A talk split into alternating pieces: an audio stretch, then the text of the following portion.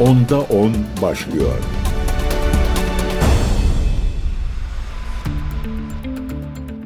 Değerli CGTN Türk takipçileri ben Gökün Göçmen 10'da 10 programına hoş geldiniz. Amerika Birleşik Devletleri'nin Orta Doğu hayaliyle başlayalım. Malum Amerika Birleşik Devletleri'nde seçimler yapılacak Kasım ayında ve bir Biden doktrininden bahsediliyor Orta Doğu'ya ilişkin. The New York Times gazetesinde bu Biden doktrininden bahsedilmişti. Ama bu Biden doktrini e, görünen o ki başarısız olmaya mahkum. Bu konuyla ilgili e, güzel bir yazı vardı. Orta Doğu'da arafta kalan Biden idaresi gazetesi Ceyda Karan yazmış. Onun başlıklarına şöyle bir bakalım, üzerine konuşalım istiyorum. Ee, önemli bir yazı. Amerika Birleşik Devletleri'ndeki Politico haber sitesine bakılırsa Demokratik Parti içerisinde kimileri Biden yönetiminin dünyada çoklu savaş cephelerine müdahil olmanın ağırlığı altında ezildiğinden kaygılı. Hem de başkanlık seçimleri arifesinde ki haksız da sayılmazlar. Biden'ın 2014 darbesi sürecinden beri şahsi savaşı olan Ukrayna'da durum onca paraya ve silaha rağmen gerçekten vahim. İsrail'in Hamas'ın 7 Ekim baskını sonrası Gazze'deki savaşı çığırından çıkmakta ve ABD'nin en sıkı müttefiki BM'nin en üst yargı organı tarafından soykırımla itham edilmekte. ABD'nin başarısı tartışmalı bölge düzeyinde Irak ve Suriye sahalarında tutunduğu üsleri açık hedefler haline geldi. Kızıldeniz'de müttefik Britanya ile birlikte eskortluk yaptıkları gemileri Ensarullah yani Husi hareketinden koruyamayarak gemileri alenen aşağılanıyorlar. Hepsinin üzerine ezeli hasım İran göstere göstere Erbil'in yanı sıra 1300 kilometre ötedeki İdlib'de bir vakitler liberal Amerika'nın ılımlılık medeti umduğu Heyet Tahrir Şam bölgesini vurabilmekte. Bölgedeki müttefikleri ABD'yi zorlayan bir vekalet savaşı yürütürken İran artık doğrudan devreye giriyor. Biden yönetiminin seçim yılında çoklu cephelerdeki dış politika sarsıntılarına, geçen hafta demokratların göç politikalarına baş kaldıran Cumhuriyetçi yönetim altındaki Texas eyaleti etkilendi ki bu zaten ayrı bir konu olur. Bugünden yarına görünen o ki Demokrat Başkan Joe Biden yeniden Donald Trump ile kapışacak gibi gözüküyor. 5 Kasım seçimlerinde adeta Jimmy Carter'ın akıbetine doğru koşmakta. ABD'nin sarsıntılı yıllarının ardından Trump ekarte edilip Barack Obama'nın başkan yardımcısı Joe Biden başa geldiğinde Orta Doğu için ne düşünüldü ve ne hamle yapıldıysa tam aksi oldu. Yeni savaş çıkarmış Trump bölgede İran'ı hedef seçmiş, nükleer anlaşmayı çöpe atmış, Kasım Süleymani'yi de Bağdat'ta suikaste öldürmüştü. İsrail'i de İbrahim yani Abraham anlaşmaları ile bölgeyle barıştırma yolunu açarak ihya etmişti. Yemen'de Obama'nın savaşını sürdürmüş ve Suudilerin vahşi savaşının destekçisi olmuştu. Biden idaresi gelir gelmez Yemen'de Husileri terör örgütü listesinden çıkarıp barış arayıcısı pozisyonunu aldılar. İran'la nükleer anlaşmanın yeniden müzakerelerine soyunuldu. 4 senede gelinen yer vahim. Bütün hışmıyla Ukrayna savaşını çıkartıp Rusya'yı mağlup etme hırsıyla dolup taşan Biden, Orta Doğu perspektifinin çöküşüne tanıklık ediyor. Yani aslında o Biden doktrini olarak bahsettiğimiz meselenin çöküşüne hep birlikte tanıklık ediyoruz.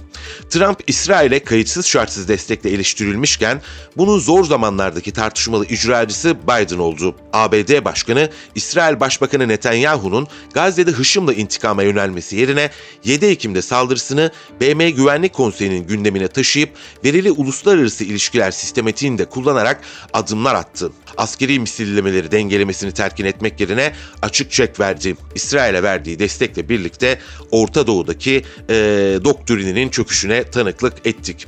Yıldızının barışmadığı Netanyahu'nun Trump verken mevzu bile olmayan hamlelerini göğüslemek durumunda kalan Biden kendi ordusunu da açık hedef haline getirdi. Bunun son örneği de Suriye ve e, Ürdün sınırında Kule 22'ye yapılan saldırıydı. Buraya düzenlenen saldırıda biliyorsunuz efendim direniş ekseninin e, üstlendiği operasyonda 3 ABD askeri hayatını kaybederken onlarca ABD askeri de yaralandı. Şimdi tekrar e, yanıt vermeye çalışıyor Amerika Birleşik Devletleri ama bu bir şiddet sarmalında muhtemelen beraberinde getirecek.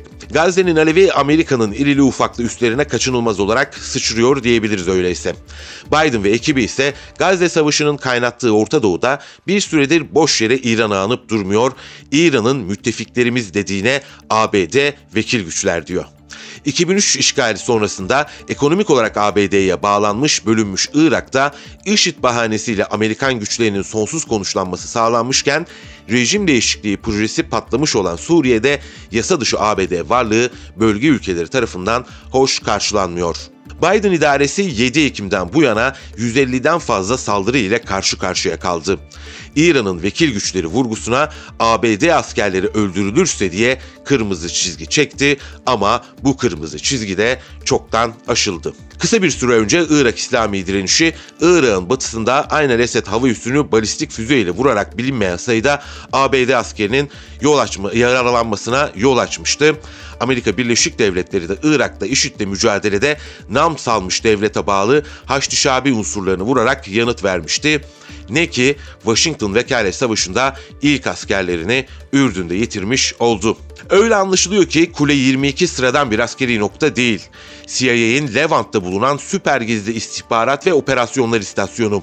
The Wall Street Journal, ABD'nin İHA saldırısına bir başka İHA'sı göreve dönerken onun peşine takılan bir e, kamikaze İHA'nın neden olduğunu aktarmıştı. Bu doğrulanmış değil fakat böylesi bir üssün iyi korunduğunu varsaymak gerekiyor. Her koşulda asker kayıpları ve yaralanma yaralanmalar Amerika Birleşik Devletleri'ni elbette e, öfkelendiriyor ama bu Biden doktrininin çöküşüne de engel olamıyor.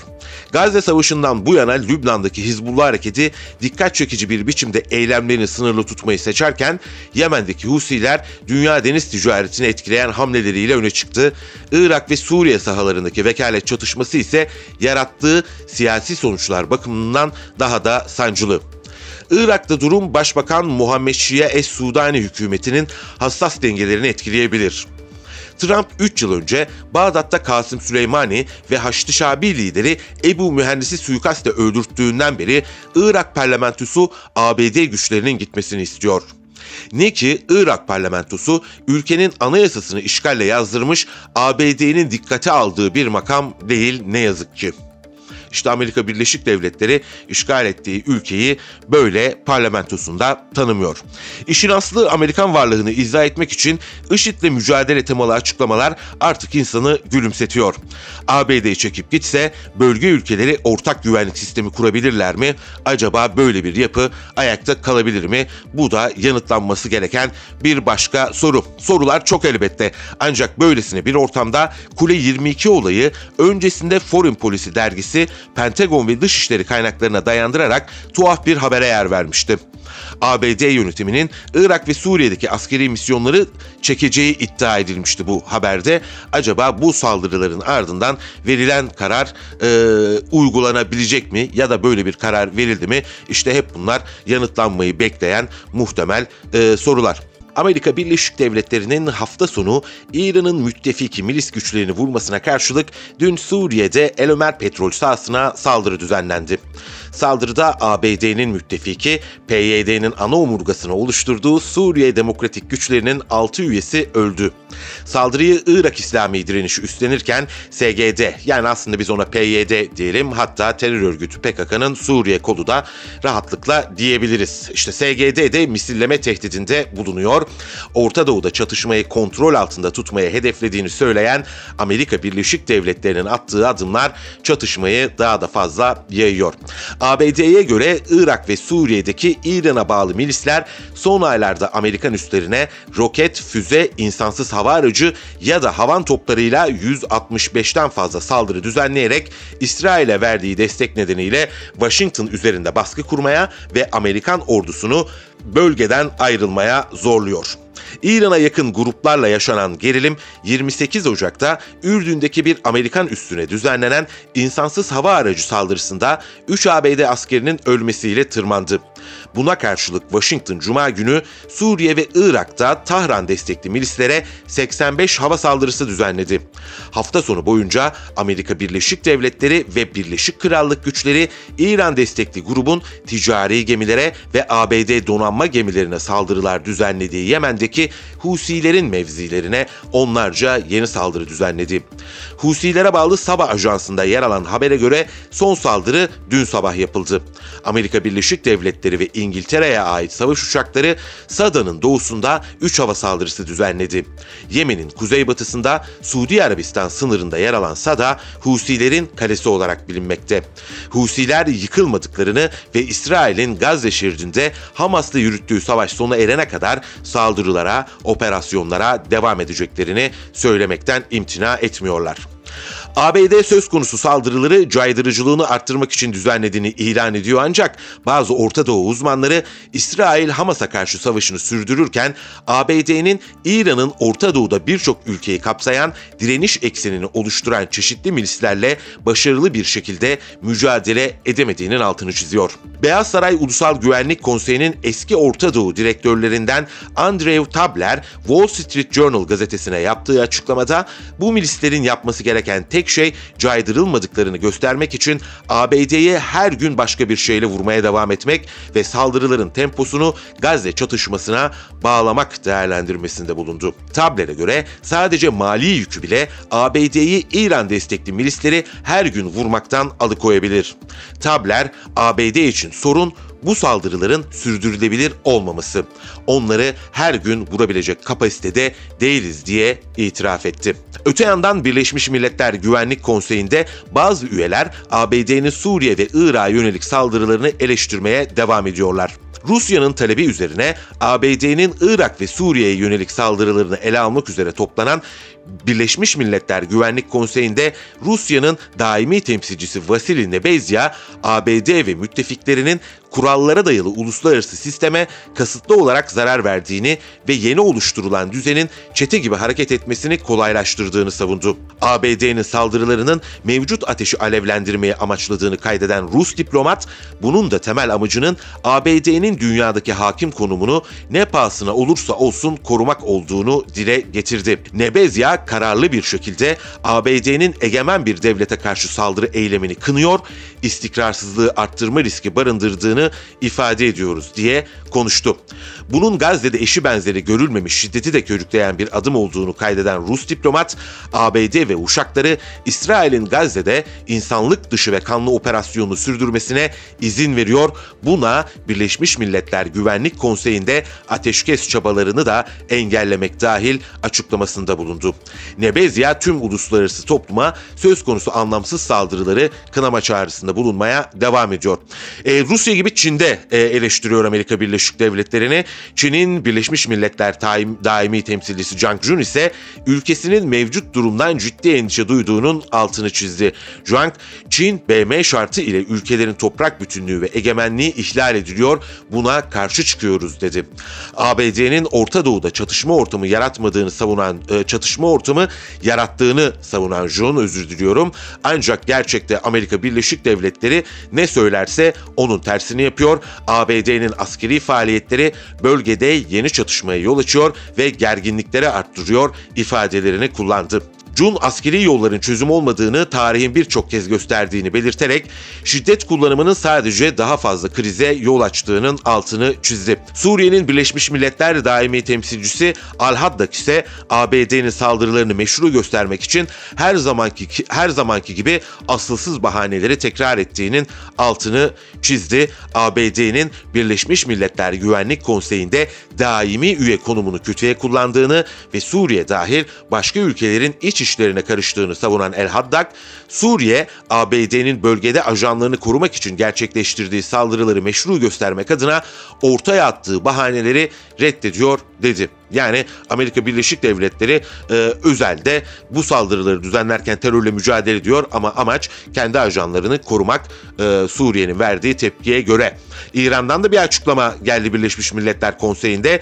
İran'ın Birleşmiş Milletler daimi temsilcisi Amir Said İranavi, ABD ve İngiltere'nin asılsız bir şekilde İran'ı suçlayarak Orta Doğu'daki mevcut durumun gerçek sorumlularından dikkati uzaklaştırmaya amaçladığını kaydetti. İran'ın bölgede gerginliği arttırmaya amaçlamadığını ve Irak'ta hiçbir askeri mevcudiyetleri bulunmadığını söyleyen İravani, Suriye'de ise sadece askeri danışmanlarının bulunduğunu ifade etti. İranlı diplomat herkes biliyor ki bölgede temel sorun İsrail rejimi tarafından yürütülen ve ABD tarafından desteklenen masum Filistinlilere yönelik işgal, şiddet ve soykırımdır ifadelerini kullandı. Irak'ın BM daimi temsilci yardımcısı Abbas Kavdum ise El Abbas Kavdum El Fatlavi ise ABD saldırılarının ikili ilişkilerin doğasına uygun olmadığını söyledi. Kendi topraklarındaki ABD'nin askeri eylemlerini bir kez daha kınadı. Ee, bir önceki bölümde anımsatmıştık. Irak parlamentosu ısrarla Amerika Birleşik Devletleri'nin artık ülkesinden çekilmesi gerektiğini söylüyor. Kasım Süleymaniye dönük e, suikastin ardından bu sesler yükseldi ve hiç kesilmedi Irak'ta. Ama görünen o ki Amerika Birleşik Devletleri bir ülkenin egemenliğini hiçe saymaya devam ediyor. İsrail'in Refah saldırılarıyla, daha doğrusu Refah saldırısı planlarıyla İsrail'in Gazze şeridinin güneyindeki Refah kentine muhtemel bir kara saldırısı başlatmadan önce atılacak adımları müzakere ettiği belirtiliyor. İsrail Devlet Televizyonu kanın siyasi kaynaklara dayandırdığı haberde Refah kentinde operasyonlara başlamadan önce kentin tahliye edileceği belirtildi.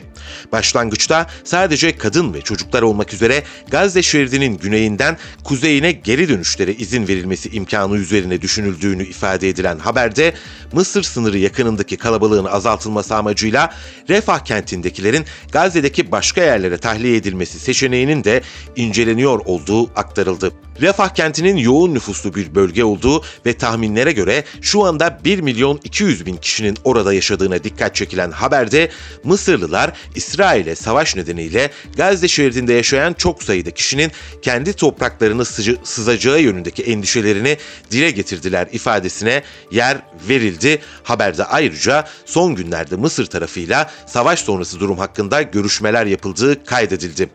İsrail Savunma Bakanı Yoav Galant 1 Şubat'ta Gazze şeridinin Han Yunus bölgesindeki İsrail birliklerini ziyaretinde yaptığı açıklamada kara saldırılarını Mısır sınırındaki Refah kentine taşıyacaklarını söylemişti. Başbakan Benjamin Netanyahu da 4 Şubat'taki açıklamasında Refah kentine kara saldırısı başlatacaklarının işaretini veriyordu. İsrail güçleri Refah kentini sık sık hava saldırılarıyla zaten hedef almakta.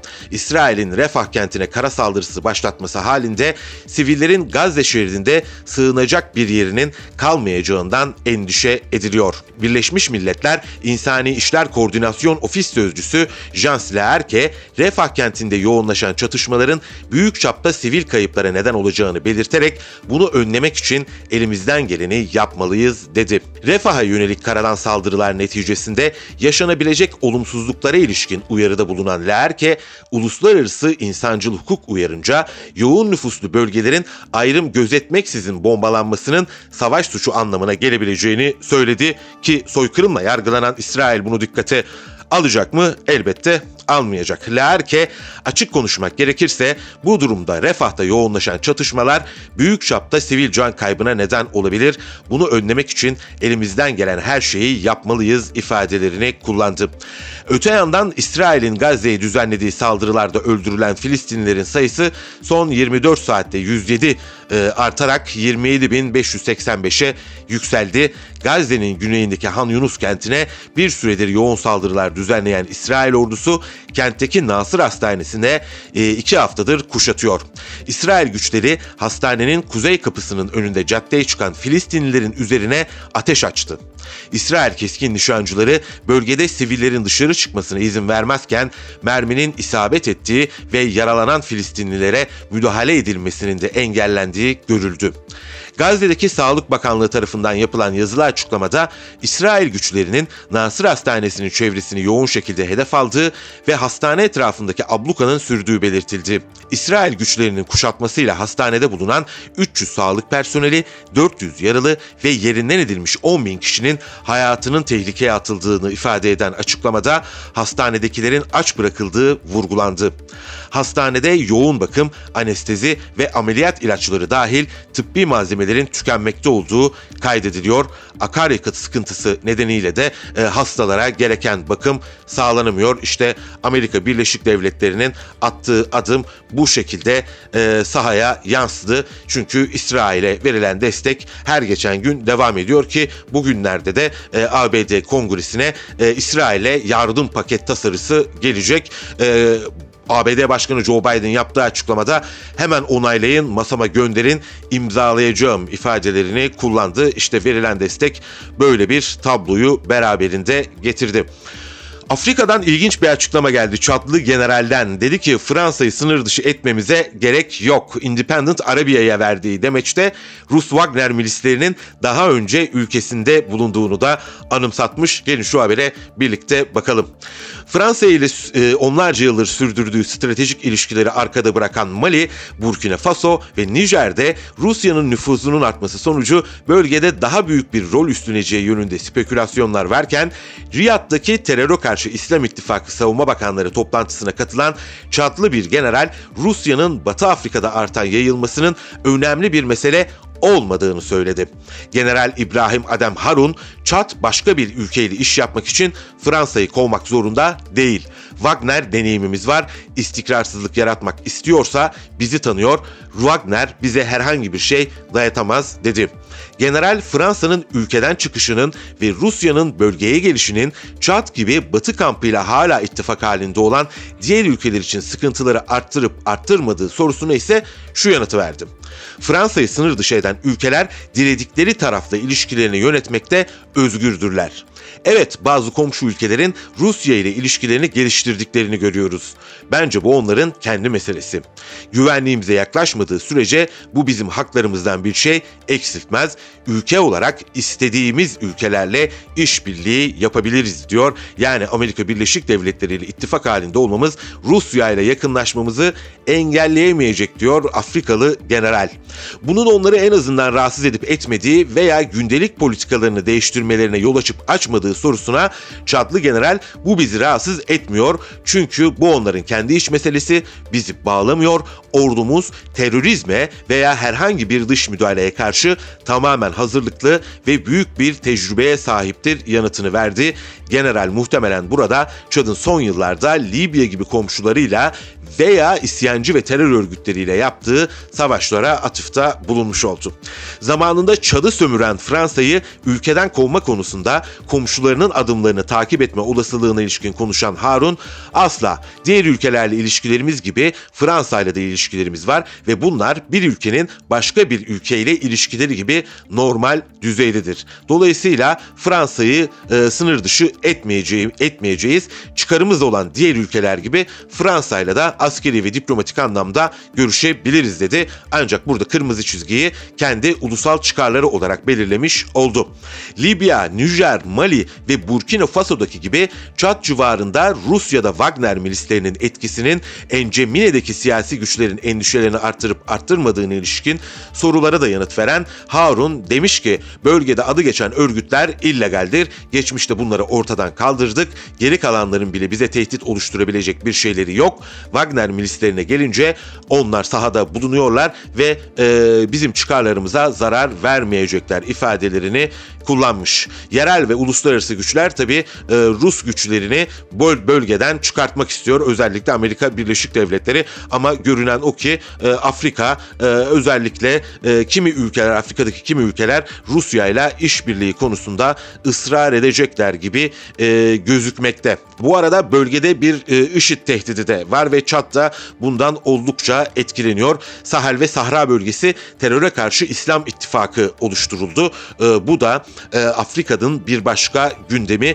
Bu bağlamda ülkesinin heyette yer alan e, general de yani biraz önce bahsettiğim çatlı general de buraya Arap ve dost ülkelerdeki kardeşlerimizle teröre karşı İslam İttifakı Bakanlar Kurulu toplantısını gerçekleştirmek ve ülkelerimizdeki terörle mücadele yollarını araştırmak, tartışmak için geldik dedi. General terör terör topunun ağzında olsak da bize yardımcı olan şey terörizmin kökenlerini kazımaktır ifadelerini kullandı. İşte tablo bu şekilde. 2023'ün sonuna gelindiğinde Batı Afrika ve kıtadaki Orta Afrika, Mali, Burkina Faso ve Nijer'de e, askeri darbeler de konuşuluyordu. Bu da bir başka e, önemli nokta. E, bütün bu ülkelerin generalleri e, Independent Arabia'ya konuşmuşlar. Bize de aktarmak düştü. Değerli CGTN Türk takipçileri ben Gökün Göçmen. Bugünlük programımızın sonuna geldik. E, saatlerimiz yarın onu gösterdiğinde ben yine CGTN Türk İstanbul stüdyolarında bu mikrofonun karşısında olacağım. Sizleri de beklerim efendim.